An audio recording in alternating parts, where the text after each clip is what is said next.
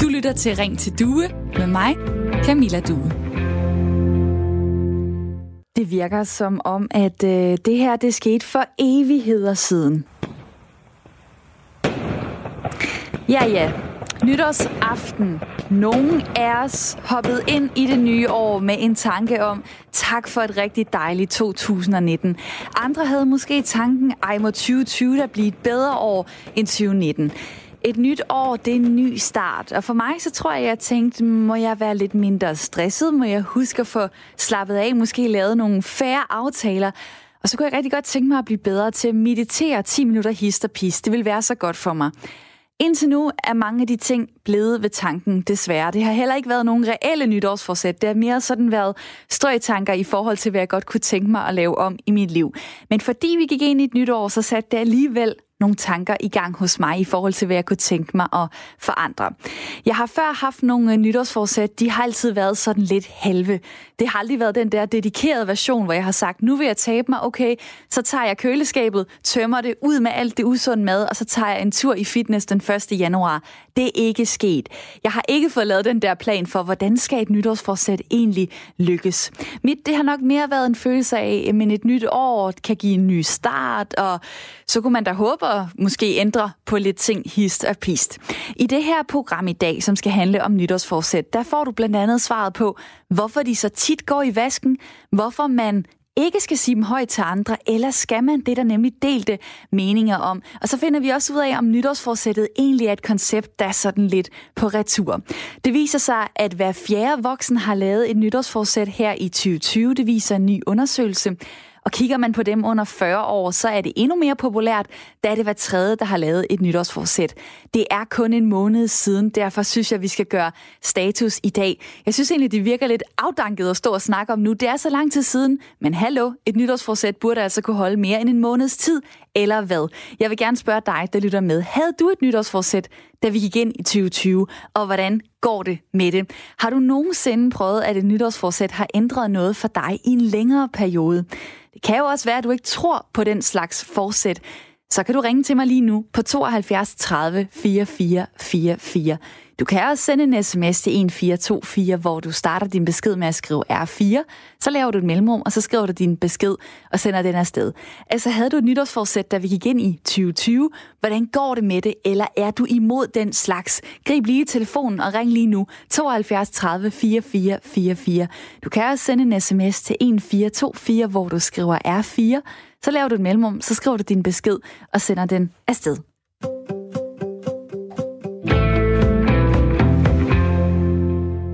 Og så vil jeg gerne sige hej til mit lytterpanel i dag. Tina Bæk Due, velkommen til. Tak for det. Du bor i Aarhus, du er 33 år, du er på barsel, men arbejder til dagligt som jordmor. Så har du en kone, du har to børn på 14 og 10 år, og et tredje på vej, så derfor så skulle vi lige indstille mikrofonen lidt specielt, så du kunne komme helt tæt på den. Maven, den var lidt i vejen. Du ja. kan godt lide at lave mad, du kan godt lide at læse, og så tv-serier, for eksempel Game of Thrones. Velkommen til. Tak for det. Med på telefonen, der har vi også Jesper Larsen. Velkommen til. Tak for det. Din bil, den er punkteret. Du kom ellers ja. kørende fra Fyn. Hvor langt nåede du? Jamen, jeg nåede lige omkring Horsens, og så øh, måtte øh, mit øh, højre forhjul kapitulere. Så, øh, så jeg holder lige her. og der er sket der heldigvis ikke noget? Der er sket ingenting, nej. Okay, du får lov til at være øh, forskudt lytterpanel med på øh, telefonen. Jesper Larsen fra Hasselager på Fyn. Du er 36 år. Du arbejder som kok og har din egen virksomhed, der leverer mad ud af huset. Så har du to børn på 3 og 11 år, og kan godt lide at gå og renovere huset derhjemme, tage på fisketur og bruge tid med børnene i familien. Jeg er glad for, at du er med på øh, telefonen. Hvad siger du egentlig til det her emne i dag, nytårsforsæt? Jamen, jeg synes jo, det er en meget, øh, det er en meget individuel holdning om, øh, hvorvidt man tror på, at man kan ændre sit liv per 1. januar. Men, øh, men jeg mener, at, øh, at det er en god start, når man ligesom har overstået et år, og, øh, og påbegynder et nyt, at, at øh, man tror på, at, øh, at det kan ændre noget for folk. Tina, øh, jeg kigger lige på Tina her, mit øh, lytterpanel i studiet. Tror du på, at nytårsforsæt kan forandre noget for folk? For nogen, ja. Øh, for mig personligt, nej. Jeg tror, det er meget forskelligt, hvordan man bliver motiveret, om det kommer indenfra eller udefra. Og ja, i er begge to med i mit lytterpanel her i dag i Ring til Due, som er Radio 4's samtale- og lytterprogram. Og jeg hedder Camilla Due, og jeg spørger altid, om du vil være med i den her snak. Havde du et nytårsforsæt, da vi gik ind i 2020? Det havde været fjerde dansker. Måske er du en af dem. Hvordan går det med det? Det er okay at ringe og sige, at det går helvedes til. Det er også okay at ringe og sige, at det går super godt. Jeg vil gerne høre begge historier. Nummeret det er 72 30 44 44. Du kan også sende en sms til 1424, hvor du skriver R4, så laver du et mellemrum, og så skriver du din besked og sender den afsted. Og Jesper, du har jo haft et nytårsforsæt i år. Hvad gik det ud på? Ja, mit nytårsforsæt, det startede faktisk allerede i oktober sidste år, så man kan ikke kalde det sådan helt øh, per overskifte, men, men det, var et, øh, det var et mål at fortsætte øh, i det her år her. Jeg skulle... Øh, omlægge min, øh, min kost og min træning lidt, fordi jeg har lidt øh, fysiske skavanker som kok. Øh, vi er hårdt presset, både fysisk og mentalt, så, så jeg har skulle omlægge lidt ting, øh, og det har jeg gjort med sådan en coach her fra, fra oktober, og, og prøvet at, at omforme kroppen og, og sende en lille smule på den måde, og det er faktisk lykkedes rigtig godt. Og hvorfor var det lige oktober, du begyndte i, og ikke øh, 1. januar? Det er fordi, at, øh, at øh, at kroppen øh, begyndte sådan lige så stille og roligt at sige fra øh, i efteråret, og så tænkte jeg, nu må jeg, nu må jeg i gang med noget, og, og i stedet for at vente til januar, så, så startede jeg så i oktober, men, men kan vel egentlig godt kalde det et nytårsforsæt her fra, øh, fra 2020 af. Øh, det er ligesom at prøve at arbejde mig op øh, til den træning, som jeg, som jeg har fortsat med her i januar. Har du øh, kunne mærke, da du så nåede 1. januar, du ligesom var i gang, kom der en ekstra motivation på, fordi at nu var det et nyt år, eller øh, spillede det ikke nogen rolle? Altså for mig øh, spiller det helt klart en rolle. Jeg er så meget, øh, vil meget gerne have tingene i firkanter og, og skrevet ned og sådan noget, så, så for mig så betyder de her øh, skift øh, utrolig meget. Øh, det har ligesom været en opstart for mig her de første, øh, eller sidste tre måneder af, af, af, af 19, og så er jeg kommet sådan rigtig i gang her fra januar af. Så det har helt klart været en motivationsfaktor for mig, øh, at man rammer et nyt år og, og ser på det med nye øjne. Tina, Tina her i mit lytterpanel. Øh, har du haft nogle øh, nytårsforsæt i år? Nej. Er det noget, du haft har haft år. før? Ja, da jeg var yngre havde jeg, men, øh, men aldrig nogen, der holdt. Øhm, jeg tror, som jeg lige var inde på kort før, så for mig skal motivationen være ret stærk, før man ændrer en vane. Øhm, og den er bare sjovt nok aldrig lige faldet på den 1. januar. øh, og det, altså i 2019 lavede jeg om på masser af ting, som godt kunne have været sådan nogle nytårsforsæt. Men jeg er sikker på, at det var ikke lykkedes mig, hvis jeg havde gjort det, fordi nu var det den 1. januar. Hvad er det for nogle ting, du har ændret på? Jamen, øh, i foråret havde jeg et øh, lidt større vægttab med den motivation, at jeg skulle blive gravid, og det havde vist sig sværere, end vi havde regnet med. Øhm, og det gik rigtig godt. Og så, i takt med, at vi skulle til at planlægge den her barsel, besluttede vi, at vores hverdag skulle stemme lidt mere overens med de værdier, vi har. Så vi lavede om på en masse små ting i vores liv, øhm, som havde været svære, hvis ikke jeg havde haft en stor motivation. Der er en, der skriver her øh, på sms'en, nu er det snart kinesisk nytår, så har folk et øh, forsøg mere. Altså man kunne næsten sige, hver måned, den første, altså den første måned, man får løn, det er en ny måned, det er en ny start. Måske er der sket noget siden sidste måned, for eksempel, at det er blevet lysere. Jeg glæder mig for eksempel til 1. marts. Øhm, altså, kunne man ikke også bare bruge den øh, anledning til at sætte gang i noget, hvis man, hvis man gerne vil have sådan et, et skub i ryggen? For mig så jo. Altså for mig at se, starter der jo et nytår hver dag. et eller andet sted. Det er jo en social konstruktion, det her med, med at det lige er her, vi beslutter, at nu går vi i gang med en ny tid. Øh, for mig virker det meget bedre at gribe den, når motivationen er der. Jesper, øh, du har, du har før dyrket det her med, med nytårsforsæt. Hvad har du øh, gerne ville forandre sådan løbende i dit liv? Jamen, jeg har blandt andet haft øh, nogle øh, prioriteringer, der hed rygestop og og mindre alkohol og mindre fed mad og, og sådan nogle ting. Og det har jeg forsøgt igennem, øh, igennem flere år og prøve at, at presse ind der omkring nytår. Og nogle gange er det lykkes, og, og andre gange er det ikke. Øhm, men, men jeg synes, motivationsfaktoren i at, at give det et forsøg, om man gør det den 1. januar, eller man gør det den 30. oktober, eller man gør det midt på sommeren. Det er sådan set i princippet ligegyldigt. Det er bare, at du har motivationsfaktoren til at, at sætte det i værk. Øhm. Men det tror jeg, at rigtig mange har den 1., 2. og 3. januar. og så nu er vi nået til den 3. Øh, februar.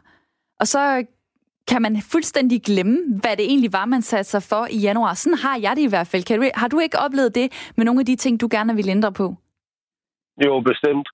Øh, jeg har så gjort brug af andre mennesker omkring mig, som har, har kunne hjælpe øh, både øh, mentalt og, og fysisk med at, at overholde de her ting og, og holde ligesom kæbet op og, og, og haft noget pep-talk omkring tingene, og det har altså gjort, at, at jeg har kunne øh, af flere omgange holde min øh, nytårsforsætter. At de så er gået i vasken senere hen, det er, det er selvfølgelig min egen skyld, og mange på, øh, på selvkontrol, men, men øh, hvis du har motivation til at gå i gang, og du måske har en eller to personer omkring dig, som, som kan hjælpe dig, om det gælder træning, eller det gælder øh, kostomlægning, eller det gælder at se familien mere, eller hvad det gør, så, så har det helt klart en, en, en hjælpende faktor.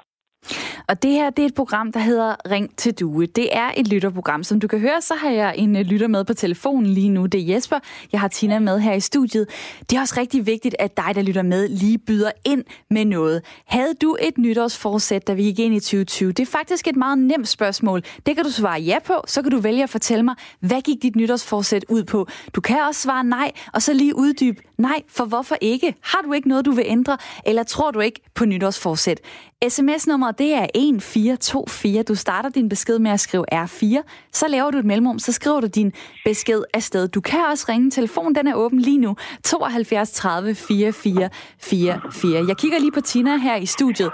Tror du, at folk er bange for at ringe ind og sige, ja, jeg havde det her nytårsforsæt, øh, og det glippede så?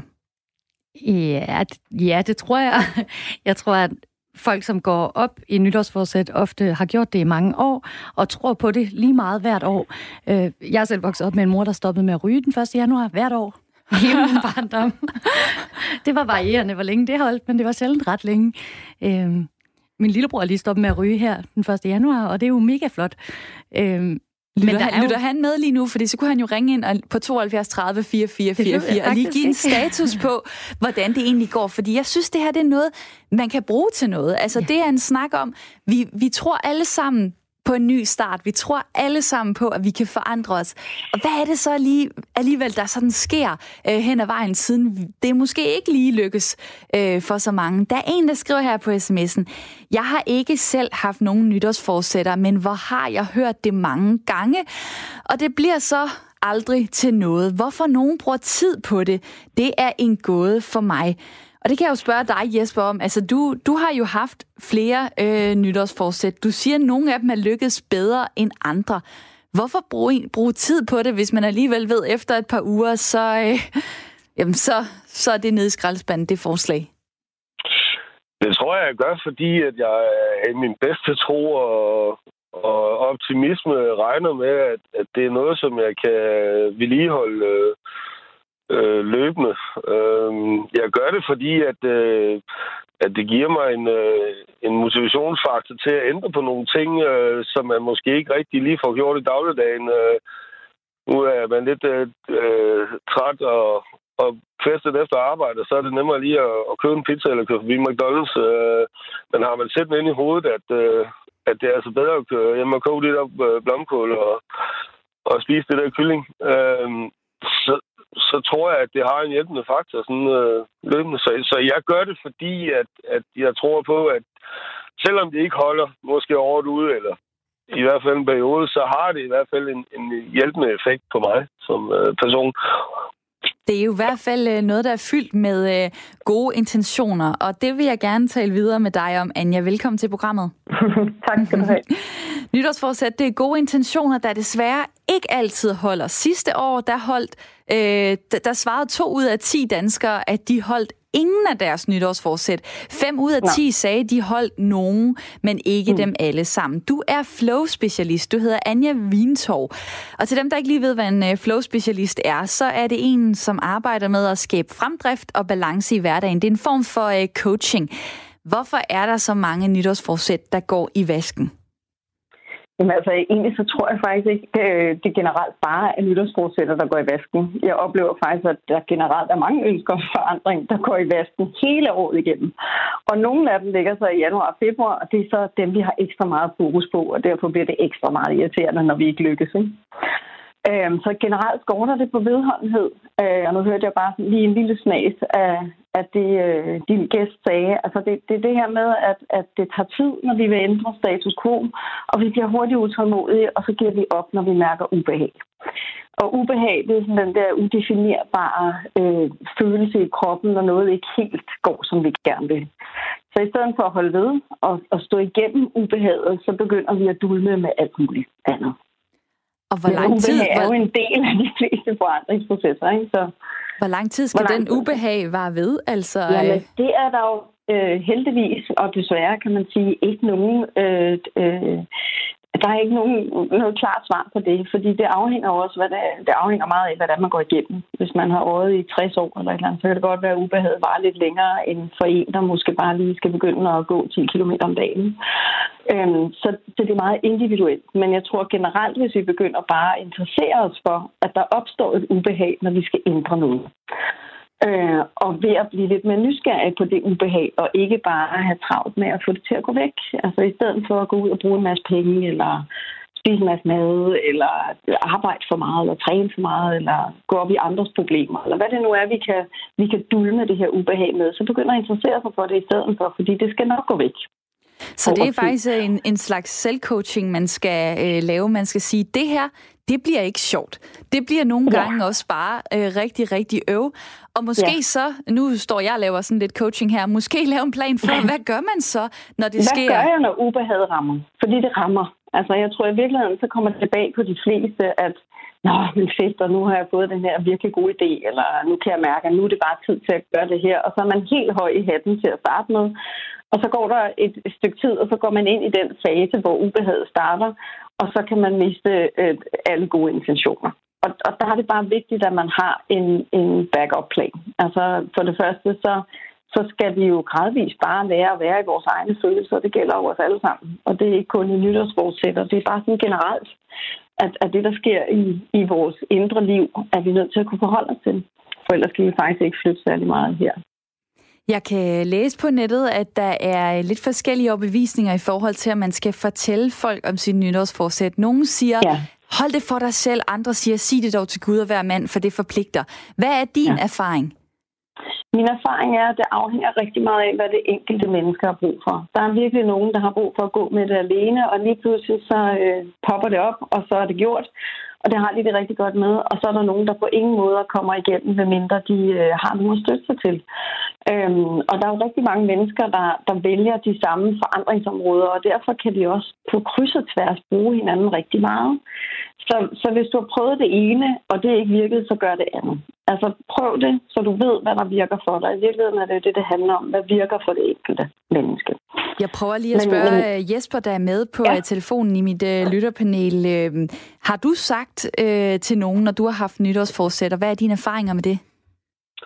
Jamen, jeg, jeg har valgt at dele det, og det har jeg, fordi at øh, jeg øh, kan udmærket øh, følge det, der bliver sagt nu her, at, at det er et øh, det er et følelsesmæssigt øh, en følelsesmæssig udfordring, og, og øh, jeg kender det selv for det der med at stoppe med at ryge også. Altså, de første, den første uge eller to går meget fint, og så begynder irritationen at, at ophobe sig i kroppen, og så, så, så koster det altså noget på, på den følelsesmæssige konto, både over for kollegaer og familie, fordi man vil helst heller ikke øh, nå ud til det der stadie der, hvor man bliver ulidelig at holde sammen, være sammen med. Og, og hvis man når det ud, ikke, også, så, så, øh, øh, så er det så nemt at starte igen. Og der synes jeg jo personligt, at det er rigtig rart at have nogen omkring, som støtter op omkring det, så man ikke render rundt med det alene og, og, og, fø, og ophober sådan en, en, en som hun, hun siger, en, en voldsom ubehag i kroppen, ikke også? Så man ikke kan komme af med sine frustrationer. Der synes jeg, det er vigtigt, at man har nogen omkring sig, som, som kan støtte op om, omkring det. Anja, jeg skal lige øh, spørge dig her til sidst. Altså, øh, en strategi kan jo være at begive sig ud i at have flere nytårsforsæt, fordi så er der måske et, der lykkes, mens der er ja. fire, der ikke lykkes. Hvad ja, siger du til den tilgang? Og, og så vil de fleste fokusere på det ene, der ikke lykkes. Men, men det er en anden snak. Men, men jeg synes, det er en super fin tilgang. Det, det, jeg egentlig synes er det vigtigste, det er, at når vi, når vi starter på de der nytårsforsætter, så skal vi måske bare starte et helt andet sted. Og det er sådan lige at tage et view over livet som helhed. Altså, hvor synes jeg, det spiller, hvor har jeg det godt, og hvor halter det. Og så starte med den der minutiøse ærlighed over for os selv, som vi måske ikke altid er så glade for. Øhm, hvad går mig på? Hvad er jeg bekymret for? Hvad nærer mig, og hvorfor? Og så starte med det, der rent faktisk er noget bid i, i stedet for måske at, at sige, måske også, øh, ja, spise nogle flere gulerødder. Altså nogle gange, så, så synes jeg faktisk, at den strategi, der hedder, nu går vi helt til sagen af, hvad der reelt set bekymrer mig, og så begynder jeg at gøre noget ved det, skridt for skridt. Og så finder jeg nogen, der vil gå vejen sammen med mig. Øhm, og, og kan, man, jeg, kan, man anden... stadig, kan man stadig nå at, at hoppe med på 2020-vognen, hvis man siger, nu, nu laver jeg så sådan en slags februar-forsæt? Jeg tror, det er så vigtigt at huske, at der er januar, februar, marts, april, maj, altså, at, at vi, kan, vi kan starte, når vi vil. Problemet er nok, at vi nogle gange kommer til at udskyde det lidt og siger, Ej, okay, så starter jeg næste januar. Så er der altså gået et helt over vores liv, hvor vi måske kunne have taget nogle små skridt i en eller anden retning der ville have gjort livet lidt lettere og lidt sjovere. Ikke? Øhm, og så start også med at gøre det, der, der virkelig gør godt. Altså, vi har alle sammen måske nogle ting, som vi ved, når jeg gør det der, så får jeg det bare virkelig dejligt, og det er rigtig godt for mig. Så pøs mere på alt det gode også, fordi så står, så står det, vi gør mod os selv, eller ja, det kan vi godt kalde det, i virkeligheden i skærende kontrast lige pludselig når, når vi bliver ved med at fylde på af det gode også. Så der er mange fine måder at komme i gang, men, men jeg vil nok bare generelt sige, kom i gang. Altså hvis, hvis der er noget, der presser på, så gør det. Lad man vente til januar. Start et eller andet sted. Del det med nogen. Få nogen med ombord. Øhm, det er som regel sjovere at gå vejen sammen. Og det sagde Anja Vintov, der er flow-specialist, som altså er en øh, form for øh, coaching. Og Tina Bæk Due her i mit lytterpanel i studiet, du var inde på tidligere, at øh, i forbindelse med din barsel, så har dig og din kone valgt at sige, at der er nogle ting, I vil forandre i jeres liv. Og det er faktisk nogle sådan okay store ting. Ja. Ret store ting. Hvad går de ud på? Jamen, vi er for eksempel lige nu i gang med et projekt, der øh, går ud på at finde ud af, om vi kan leve af en indtægt. Øh, og for dem, der kender mig, det er udfordrende. Jeg er god til at forbruge rigtig, rigtig, rigtig god. øh, og kan godt lide det.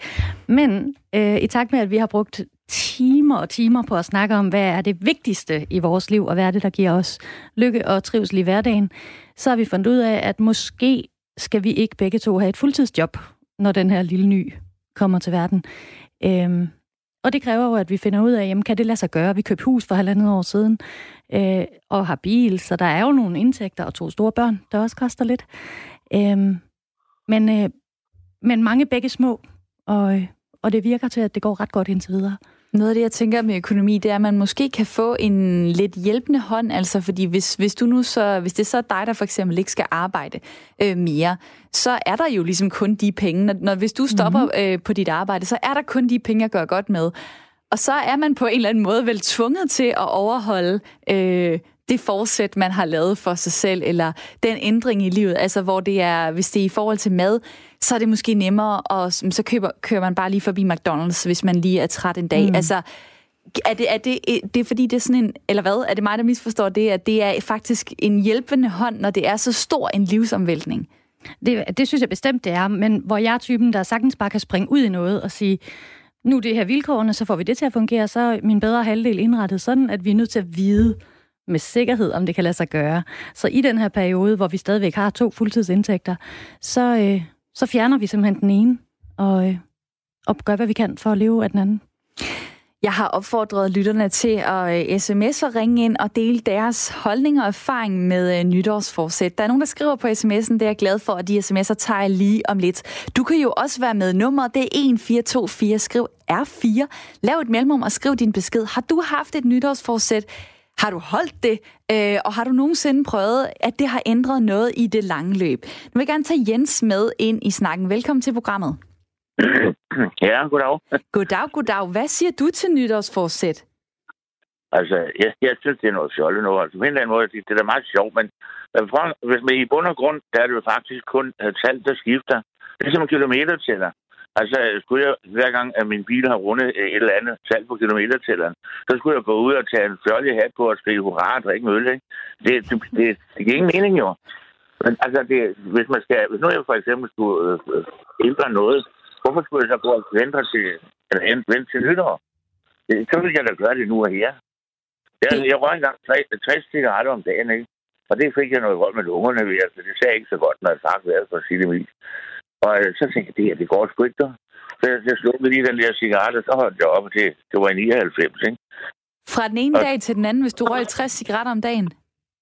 Jeg, slukkede det ene i Askebær og sagde, nu er det slut, det gider ikke det her, det, det er for meget. Og, og det var ikke valgt. Det var da utroligt. Og det var, ikke, det var ikke i forbindelse med nytåret, eller hvad, at du tænkte, nu, uh, nu får jeg den, den chance for, kan man sige, at, at, at tage et helt nyt år og sige, det er så her, hvor jeg startede med at være røgfri? Nej, jeg, jeg kunne ikke... Jeg, jeg, jeg, jeg det, det, det var den 23. december øh, om eftermiddagen, men altså, øh, hvad det hedder... Altså, det er sjovt nok, det kan man huske. Men, men altså, jeg synes ikke, jeg har noget vrøvl med det der. Og, og hvad skal jeg blande nytår ind i det, faktisk? Det, det synes jeg, det, det, det hænger sammen. Jeg har brug for, jeg, jeg har brug for at holde op med det der, ikke? Og, og så, så, så kan jeg lige så godt bare handle her nu. Jeg vil sige, hvis det havde været et nytårsforsæt, så havde det været en fantastisk historie at få med i det her program, at du kunne droppe 60 smøger fra den ene dag til den anden hen over nytåret. Det var sådan 23. december. Et næsten nytårsforsæt, vil jeg kalde det. Jeg spørger lige Jesper, der også stadig er med øh, på telefonen i mit lytterpanel. Nu hører vi her fra Jens, at øh, han synes, det der med et tal, der skifter, det er lidt noget pjat. Hvorfor har det haft betydning for dig? Altså, det er vel bare, det er et tal, det er bare en ny dag. Jeg er fuldstændig enig, øh, at, at det er i princippet ligegyldigt, om det er den 31. december eller det er den 12. januar, eller når man, man vælger at gøre det. Øh, for mig øh, har det en, øh, har det en mental betydning, øh, og det tror jeg er meget individuelt for folk, øh, hvad de vælger at tro på øh, og, og, har, og har følinger omkring. Øh. For mig har det en betydning. Øh, nu valgte jeg så med det her træningsaløjse at, starte i oktober, men, men øh, jeg ser det stadigvæk som et, øh, et nytårsprocent for mig. Øh, at, at jeg skal igennem 2020 og, og have omlagt de ting, øh, som, jeg har, som jeg har planlagt. Men, men igen, altså, det er en meget individuel ting, og, og jeg kan sagtens følge dem, der, der siger, at det er, det er noget plat noget, man skal gå og vente et halvt år på at komme i gang med et eller andet, så kan man lige så godt starte.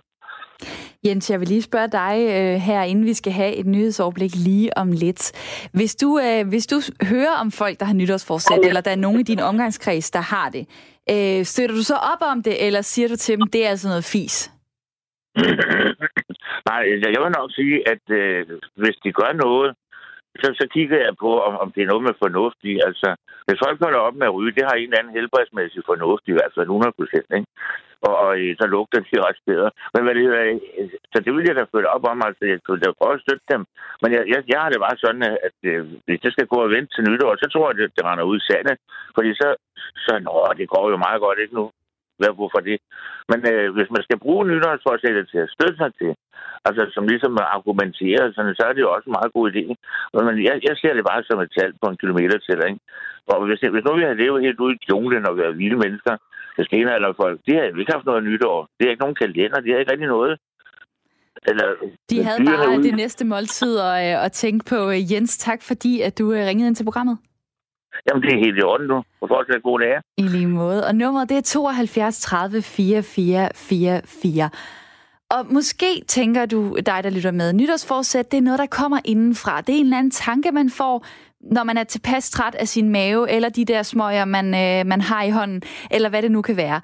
Måske er det rigtigt nok, men på den anden side, så bliver man jo også udsat for et ret massivt pres udefra. Blandt andet fra de virksomheder, der ved, at øh, der er penge at tjene omkring nytår. Det skal vi høre mere om lige om lidt. I mellemtiden, så har du fire minutter, mens vi har et nyhedsoverblik, til at sende en sms 1424. Skriv R4, lav et mellemrum, og så skriv lige, havde du et nytårsforsæt? Jeg har spurgt, der er ikke særlig mange, der svarer på det, jeg ved ikke hvorfor. Svaret er enkelt, ja eller nej. Havde du et nytårsforsæt, da vi gik ind i 2020, og hvordan går det med det? Tror du måske ikke på nytårsforsæt? Nummeret det er 1424, skriv R4, lav et mellemrum, og så din besked.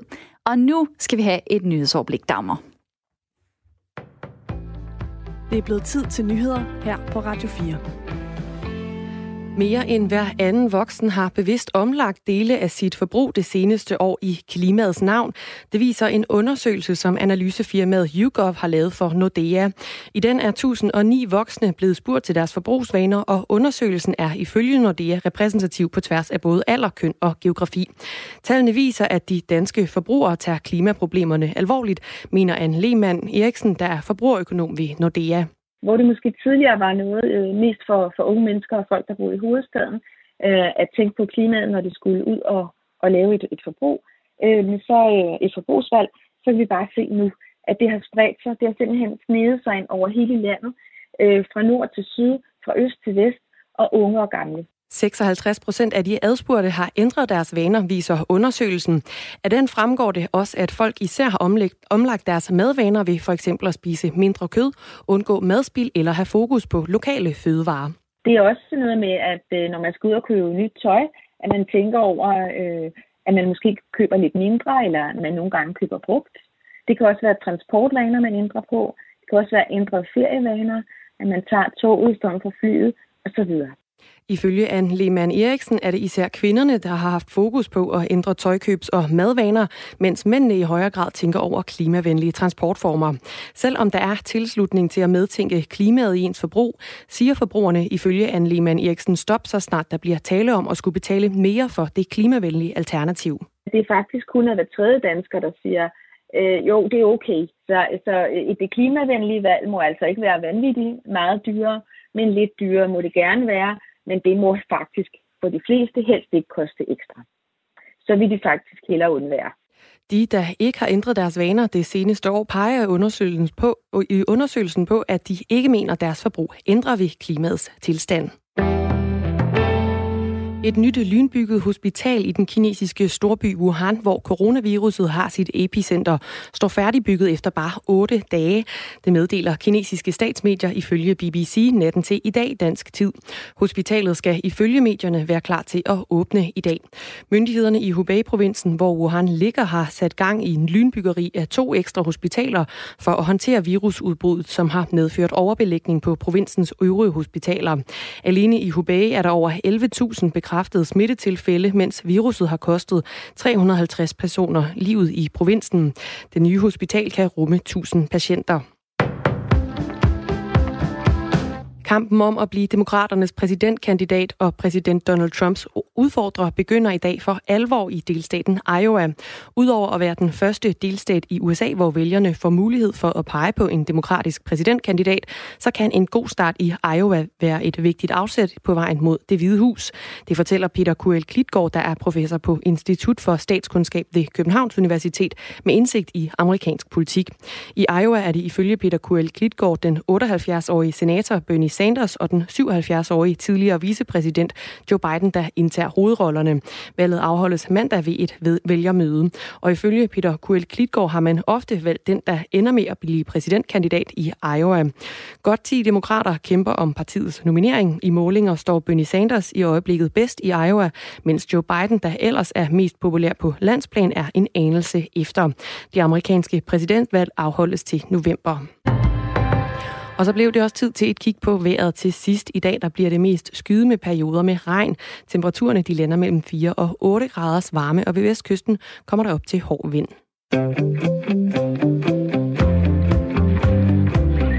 Du lytter til Ring til Due med mig, Camilla Due.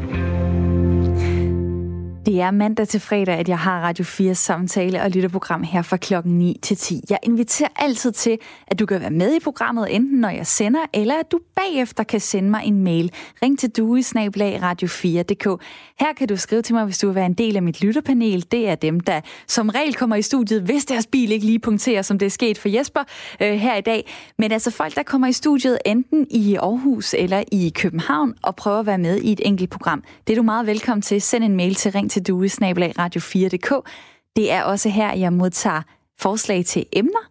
Det er jeg rigtig glad for, når der kommer nogle øh, idéer til, hvad det er, vi kan tage op her i programmet. Lige nu har jeg så Tina her i studiet. Velkommen tilbage. Tak. Tina Bæk Due, der bor i Aarhus, er 33 år, på barsel, men arbejder til daglig som jordmor. Du har en kone, du har to børn på 14 og 10 år, og så har du et tredje øh, på vej.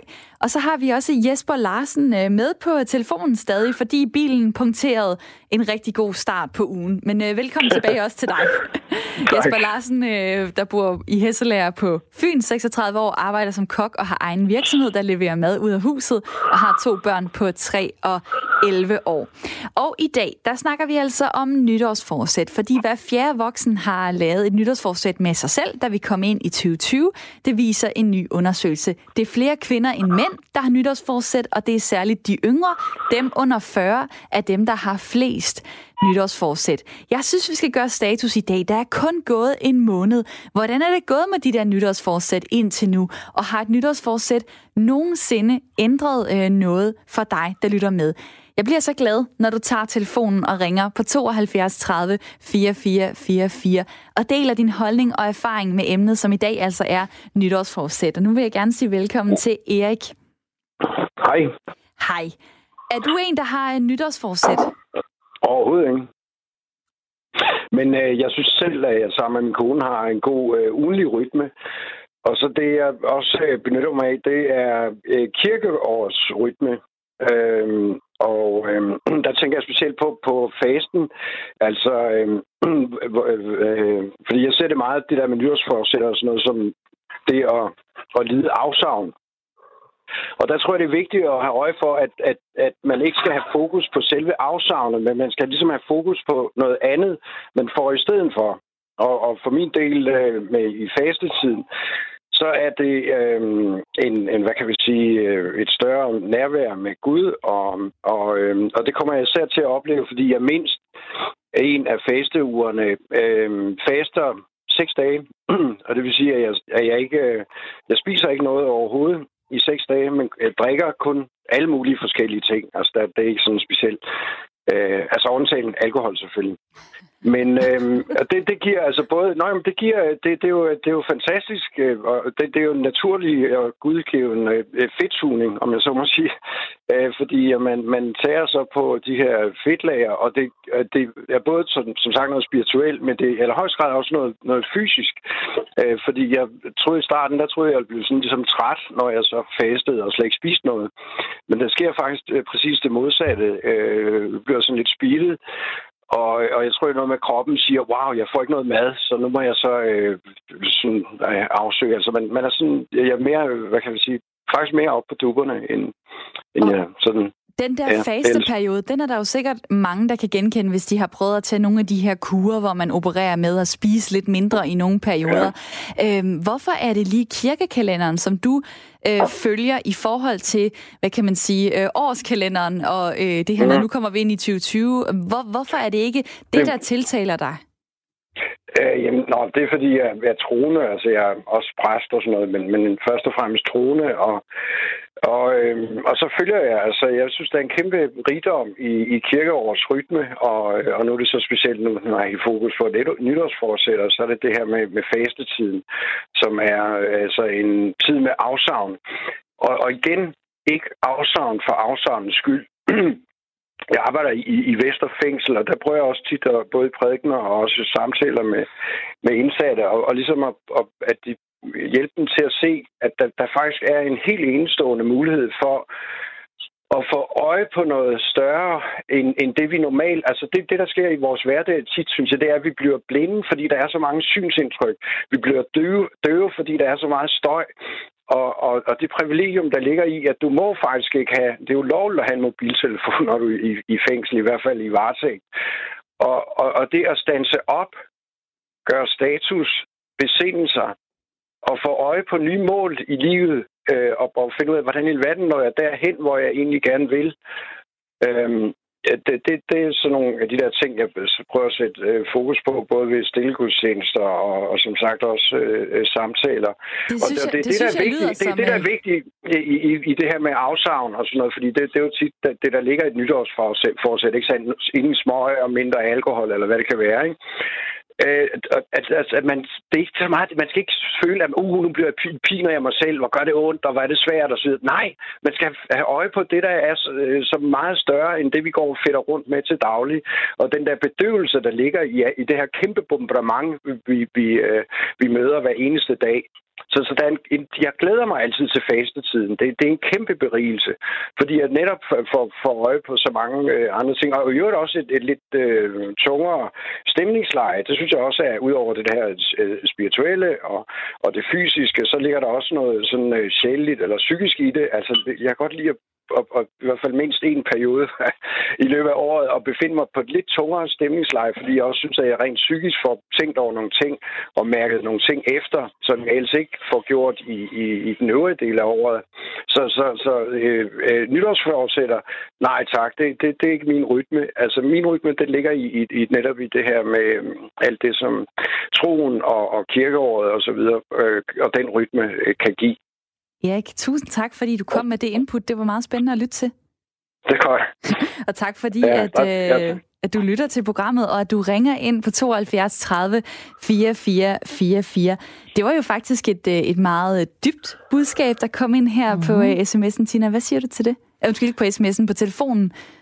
Jeg synes, det var meget, meget interessant, og jeg, jeg hæftede mig meget ved, at, øh, at jeg har det på samme måde, men jeg kunne ikke være et mindre religiøst menneske men har meget fokus på det her med, at hvis det føles som for stort et afsavn, så har du måske ikke den rette motivation til det. Øhm, så, så interessant, at man kan have lidt det samme. Jesper, øh, mit sidste spørgsmål til dig i dag, fordi du skal have ordnet den der øh, bil, som er punkteret. Ja. Øh, tak fordi du har holdt, øh, ja, jeg kunne ikke sige holdt ind til siden, for det har du ikke, men øh, har siddet og ventet øh, på at kunne ja. få det fikset, og fordi du stadig vil være med i lytterpanelet på telefonen. Jeg skal lige spørge dig her til sidst. Øh, nu bliver der talt om afsavn, altså øh, hvordan har du det egentlig med det? Du har øh, haft forskellige nytårsforsæt i forhold til rygning, i forhold til at skulle tabe dig. Altså det der med, at øh, det handler jo om at skulle begrænse, hvordan man lever sit liv, og øh, sige nej til nogle ting og sådan noget. Altså det er jo ikke, det er jo ikke sjovt. Nej, det er det bestemt ikke, og, og, og afsavn har jeg lidt øh, masser af, øh, og har kæmpet rigtig, rigtig meget med det. Det er også en af grundene til, at, at flere af dem ikke har holdt, fordi jeg har simpelthen haft, øh, haft for svært ved at, og lade de forskellige ting ligge. Øh, men men jeg, jeg vil stadigvæk holde fast i, jeg tror på, at hvis du har nogen omkring dig, som, som, øh, som støtter op omkring øh, det, du foretager dig, og, og de omlægninger, du laver i livet, så gør det det altså lidt nemmere. Øh, og øh, uden dem omkring mig har jeg ikke nået de steder, øh, at jeg er nået til i dag, med de ting, som har fungeret for mig. Og jeg krydser fingre for, at du kan fortsætte med øh, alt det gode, du har sat gang i. Held og lykke med det. Uh, Jesper Larsen, tak fordi du var med her. Selv tak. Hesselæger bor han i på Fyn. Han er 36 år, arbejder som kok og har egen virksomhed, der leverer mad ud af huset, og som altså får lov til nu at få fikset den der bil. Det er altid en god start på ugen lige at starte med at punktere. Alle planer går i vasken og så videre. Så er det godt, at uh, Tina, du stadig er med mig her ja. i lytterpanelet i studiet. Jeg tager lige en sms her. Uh, da jeg var yngre, havde jeg mange nytårsforsæt, fordi jeg synes, det var en frisk start på det nye år. Jeg havde en større motivation på den måde. Men som årene er gået, og jeg har fået flere forpligtelser, har jeg ikke rigtig længere overskud til at gøre det mere.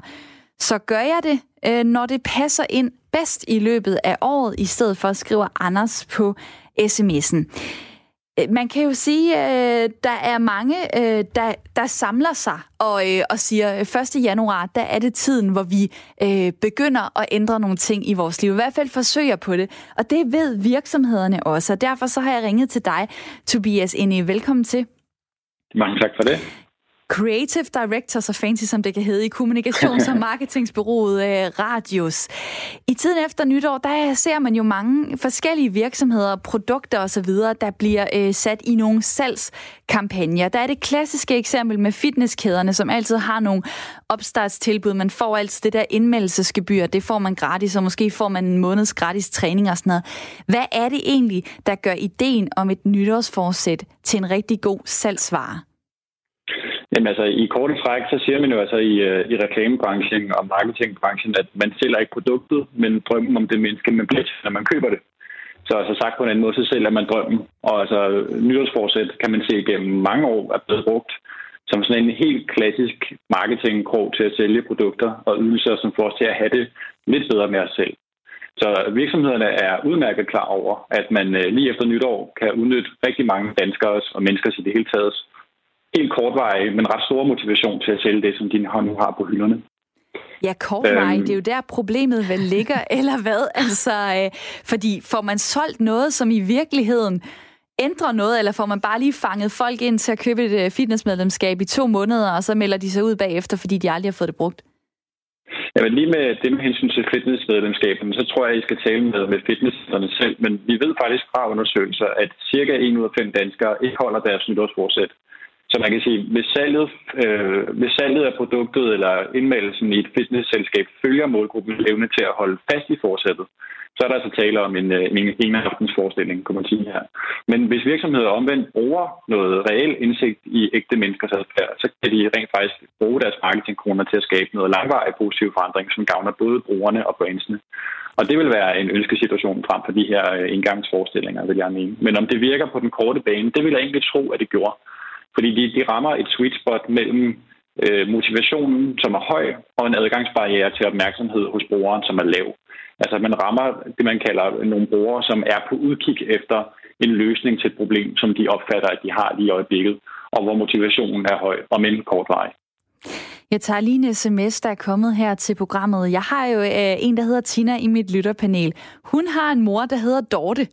Og din mor, Tina, kan finde ud af at sms'e. Hun ja. skriver her, min datter sidder i panelet. Jeg var på vægttab sammen med Tina, før hun blev gravid, som gik godt. Men desværre tog jeg lige så meget på, som Tina op igennem graviditeten. Grunden til, at jeg nu er begyndt at træne og holde ved det her i det nye år, er helt sikkert det, at øh, Tina og min svigerdatter forærede mig et fitnessabonnement kan ikke være bekendt ikke at bruge det, når de har betalt det, som Tina øh, nævnte før. Og for eksempel det her med aldrig at nå i mål med rygestop. Hold da op. Ja. Dejlig sms fra din mor, Tina. Øh, kunne det være et uh, trick, man kunne uh, til at uh, kunne, kunne bruge lidt mere, Tobias? Altså uh, det her med, hvis andre ligesom har investeret noget i ens vægttab eller den forandring, jamen, så føler man sig mere forpligtet, og så holder man uh, sit nytårsforsæt. Ja, det, det lyder meget godt, men uh, problemet er, at den virkelige verden hænger tit sammen på en anden måde. Jeg siger ikke altid, men, men tit sammen på en anden måde, fordi at vi ved fra helt uh, klassisk menneskelig adfærd, at hvis man skal foretage nogle længere varende og reelle livsstilsændringer, om det så handler om træning eller kost eller noget som helst andet, eller uh, købe færre uh, billige trøjer på MDK eller ryge færre cigaretter, men så drejer det sig i sidste ende om en, et internt motivation, uh, intern motivation og et ønske om at gøre noget for sig selv. Men det kan godt på kort bane skabe nogle, altså nogle, nogle medlemskaber hos fitnesscentrene. Og fitnesscentrene og hvem de ellers er, der skaber, der sælger de her ydelser, som man køber på abonnement, om man så må sige. De ved også udmærket, at den, den, den helt store marketingkamp, de kæmper, det handler om at få os til at købe medlemskabet. Og så skal vi ellers, så, det, så kan vi jo glemme det undervejs. Det gør ikke så meget. Øhm, fordi rigtig mange, der har medlemskaber til fitnesscenter og troligt betaler penge ind hver måned fra deres konto til centrene, de bruger ikke centret ret ofte. Og det er en udmærket forretning, om man så må sige, for fitnesscentrene. Så kampen om at få folk til at signe op og blive en del, det kan man sagtens øh, udnytte øh, den her kortvarige motivation. Men hvis det handler om det længere træk, og det, det gør sådan nogle ting jo i, i, i reelt forstand, men så er det ikke de her midlertidige motivationer, de, de rigtig kan bruge til noget. Så skal man kigge på noget langvarigt som for brands vil handle i høj grad om, i stedet for at skabe kortvarigt salg, så skabe noget øh, langvarigt omdømmearbejde, som altså både gavner forbrugere, men også gavner virksomheden selv. Man kan simpelthen dokumentere i dag, at det virker, når brands arbejder med langvarigt omdømmearbejde i stedet for korte salgskampagner. Og det sagde uh, Tobias Inde, der er Creative Director i kommunikations- og marketingsbureauet Radius. Tak fordi du var med her. Og øh, fitnesskæderne, øh, de er enige om, at ja, det er i januar, at alle kunderne øh, strømmer ind. For eksempel så har øh, Fitness.dk, det der nu hedder Sats, for eksempel været ude og fortælle, at de har haft dobbelt så mange øh, indmeldinger i forhold til medlemskaber i januar i forhold til hvilken som helst anden måned. Motionsappen Endomondo øh, kan også se, at de første 14 dage af januar, der er der rigtig mange, der dyrker motion. Så bliver det så hverdag igen, kan øh, virksomheden her øh, oplyse. Og øh, man kunne jo sige, det er jo det er jo, det er jo lidt sjovt, at, at vi allerede står her i februar. Der er kun gået en måned. Det er så kort tid af vores liv, og så står vi og taler om, at nytårsforsæt, det virker ikke en dut, og øh, halvdelen har sikkert givet op på det øh, allerede. Øh, hvad tænker du egentlig? Hvor, hvor lang tid synes du, Tina, at et nytårsforsæt skal holde, for at det har været det værd, at man har haft det? Det er jo det, der er mit problem med, at man gør det til nytår, fordi for mig handler det om livsstilsændringer, som er varige, fordi man har besluttet, at de vil give ens liv værdi. Øhm, så det der med sådan et, i 2020 må jeg ikke drikke alkohol. Jamen, har du ikke tænkt dig at drikke alkohol resten af dit liv, og hvorfor vil du ikke drikke alkohol? Øh, er sådan set meget mere spændende at snakke om. Øh, jeg har også mange gange meldt mig ind i fitnesscentre i januar måned, og købt Endomondo og alle de der ting, fordi jeg blev grebet af ideen om alt det, de prøvede at sælge mig. Ikke? Øhm, men min motivation har simpelthen været for overfladisk. Det har været, det kunne da være dejligt at være lidt pænere i bikini. Men det viste sig, at det var så ikke vigtigt nok for mig at være pæn i bikini. Der skulle noget andet til. Jeg har slået op i øh, ordbogen, hvad et nytårsforsæt øh, det, bety- øh, det øh, går under. Hvad kalder man det? Hvad det betyder, hvad, hvad det, hvordan det er defineret. Det lyder sådan her. Det er en beslutning, som man tager i forbindelse med overgangen til et nyt år, som handler om at handle eller leve på en bestemt måde, for eksempel mere moralsk eller sundere. Og de tre øh, top Top tre øh, mest populære nytårsforsæt, de handler øh, også om øh, helse og sundhed. Nummer et, det er tabe mig. Så kommer træne mere, komme i bedre form. Så kommer forbedre mine kostvaner. Og så kommer spare flere penge op. Den er der, den er der 18 procent, der har haft som nytårsforsæt. Hold op med at ryge, sæt mit hjem i stand, drikke mindre alkohol. Længere ned ad listen her, brug mere tid med min familie, brug min telefon mindre, forfølge et karrieremål, brug sociale medier mindre, få en ny hobby. Der er rigtig mange forskellige nytårsforsæt, man kan øh, ja, begive sig ud i, hvis man har lyst til det. Øh, Nils, nu vil jeg gerne tage dig med ind i den her snak. Velkommen til programmet. Hej med jer. Ja, hej. Og jeg skulle lige øh, skrue op for den rigtige knap her. Niels, okay. øh, nu ved jeg ikke, om du hørte øh, min liste af, alle de her former for nytårsforsæt, man kan have inden for sundhed, jo. familie, mobiltelefon osv. osv. Hvis du skulle pege på én ting, du skulle have et nytårsforsæt omkring, hvad ville det så være? Det var, om øh, jeg vil kigge mig i spejlet, og så vil jeg sige til mig selv, øh, har du fortjent øh, at lave om på nogle ting, eller har du, har du lyst til at lave om på nogle ting? Og hvis det er, at jeg har det, så laver jeg jo en aftale med mig selv. Og det er jo lige så alvorligt som at lave en aftale med sin chef, da man gik på arbejde, og man skulle fremadrettet øh, have nogle mål og nogle, nogle ting. Ikke? Og derfor så, øh, så er det det, der skal drive værket, for det er jo rigtig nok, motivation er jo kodeordet. Derfor er det vigtigt, at man finder ud af, hvad er det for nogle ting, man kan komme i gang med, som man synes, der er sjov, som man synes, der er givende, og som man har lyst til at gøre mere end en gang. Øh, og det er ikke måske at gå på helsestudie, eller det kan bare være at gå en tur hver dag, en time, eller cykle en tur på mountainbike, som jeg gør, øh, 20 km hver dag, eller, eller, eller sådan nogle ting. Det, det, det behøver ikke være noget specielt, bare at man får det gjort, og bare at man synes, det er sjovt. Det giver en et eller andet, ikke? Øh, så det kan motivere en til at gøre det igen næste dag. Det er sådan set det allervigtigste. Jeg synes, at det, det handler om, det er det her med, at vi har så travlt med hele vores liv at gøre en hel masse ting for andre mennesker, vi arbejder for, eller whatever, øh, for at gøre det godt øh, og, og komme i mål.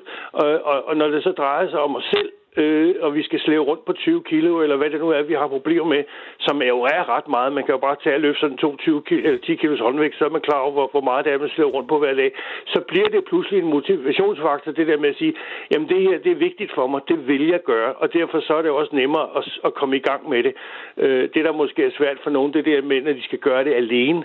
Og så kigger de sig omkring, og så siger de, folk tror ikke, jeg er rigtig klog, fordi alle de andre, de render jo bare rundt og ordner deres have og rører, der ryger deres smøger stadigvæk. De går jo ikke op i det her, jeg går op i. Altså, hvor vigtigt kan det være? Altså, fordi man godt også samtidig måske være med en del af den broede samling, ikke? Øh, mm. Og ikke, ikke, ikke stikke for meget ud, fordi så kommer janteloven og siger, ho, ho, hvad fanden tror han, han er, hvorfor far han sådan rundt, og så videre, så videre. Det kan man sgu da ikke, og han er 70 år, hvad fanden tænker han på, ikke? Det, det, men altså, man er nødt til at være et forbillede for andre mennesker, hvis det er, at man vil overhovedet gøre en forskel på noget som helst. Så kan der være, der er nogen, der siger, ved du hvad, hvis han kan, så kan jeg sgu også. Og det kan man jo øh, begynde med allerede fra nu at være et forbillede. Nils, tak fordi du ringede ind på telefonen. Jeg vil lige nå her til sidst et minut tilbage, cirka. Det klassiske nytårsforsæt, det er måske på vej ud. Det siger øh, fremtidsforsker Anne Skar Nielsen fra firmaet Future Navigator til politikken. Hun siger sådan her, det er mere oppe i tiden at slutte fred med sig selv. Især kvinderne er ved at dreje hen i en retning af, at man skal anerkende sin krop. Der kommer et tidspunkt i enhver kvindes liv, hvor hun må vælge mellem en stor røv og et rynket fjes og sige, jeg vil elske mine deller. Hvad tænker du, øh, Tina, her i mit lytterpanel? Er det egentlig øh, mest moderne at sige nej til nytårsforsæt og al den her forandring og udvikling? Øh, nej til forandring og udvikling er jeg ikke enig i, men nej til nytårsforsæt, ja, og ja til større accept af dem, vi er. Det hænger også sammen med det, jeg sagde med, at hvis motivationen bare var at blive pænere i bikini, så viste det sig, at det var ikke vigtigt nok for mig, så det kunne jeg ikke holde. Øhm, hvorimod, at jeg har besluttet, at det, der er vigtigt, det er de ting, der giver mig værdi i livet. Øh, så med alderen er det blevet mindre overfladisk og og lidt mere betydningsfuld, og så viser det sig også nemmere at lave de der ændringer. Og det sagde Tina Bæk Due, som var i mit lytterpanel. Den sidste tilbage i hvert fald. Tak fordi du var med. Jeg slutter lige af med øh, to kommentarer her til programmet. Der er en, der skriver på sms'en, nytårsforsæt er for dummies, og så er der en, der skriver, hej Due, mit nytårsforsæt var for første gang ikke at have noget nytårsforsæt. Og det går fint. Vældig hilsen, Paul. Jeg vil sige tak til jer, der lyttede med og skrev ind og ringede ind, og jeg er tilbage i morgen kl. 9.05.